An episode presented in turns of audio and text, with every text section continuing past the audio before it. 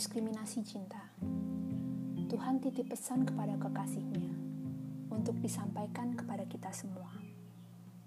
Siapa saja yang mencintainya, hendaklah berjalan mengikuti kekasihnya. Jadi sangat jelas urusan hidup adalah cinta. Kenapa ini disembunyikan oleh manusia? Kenapa diubah menjadi aturan dan memaksakannya? Dengan diiming-imingi surga Kenapa agama bukan cinta, tapi kuasa dan memaksa? Apa namanya ini semua kalau bukan diskriminasi cinta? Syariat dibawa ke kita tanpa cinta dan tanpa kerinduan.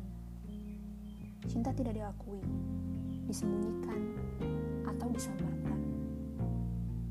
Urusan utama kita dengan Tuhan dibelokkan.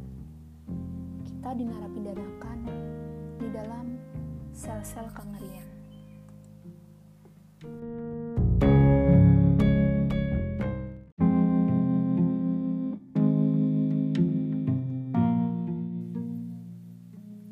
Berjodoh dengan dunia.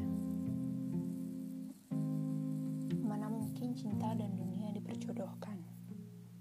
Cinta adalah pelimpahan dan penerimaan, sedangkan dunia adalah pemilikan dan perebutan. Amat susah cinta diilmukan atau dipolitikkan.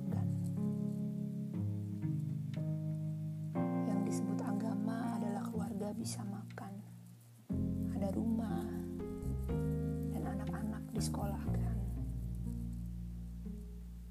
Meskipun Tuhan mengajarkan prinsip kasih sayang, memastikan nafkah penghidupan tetap merupakan keutamaan.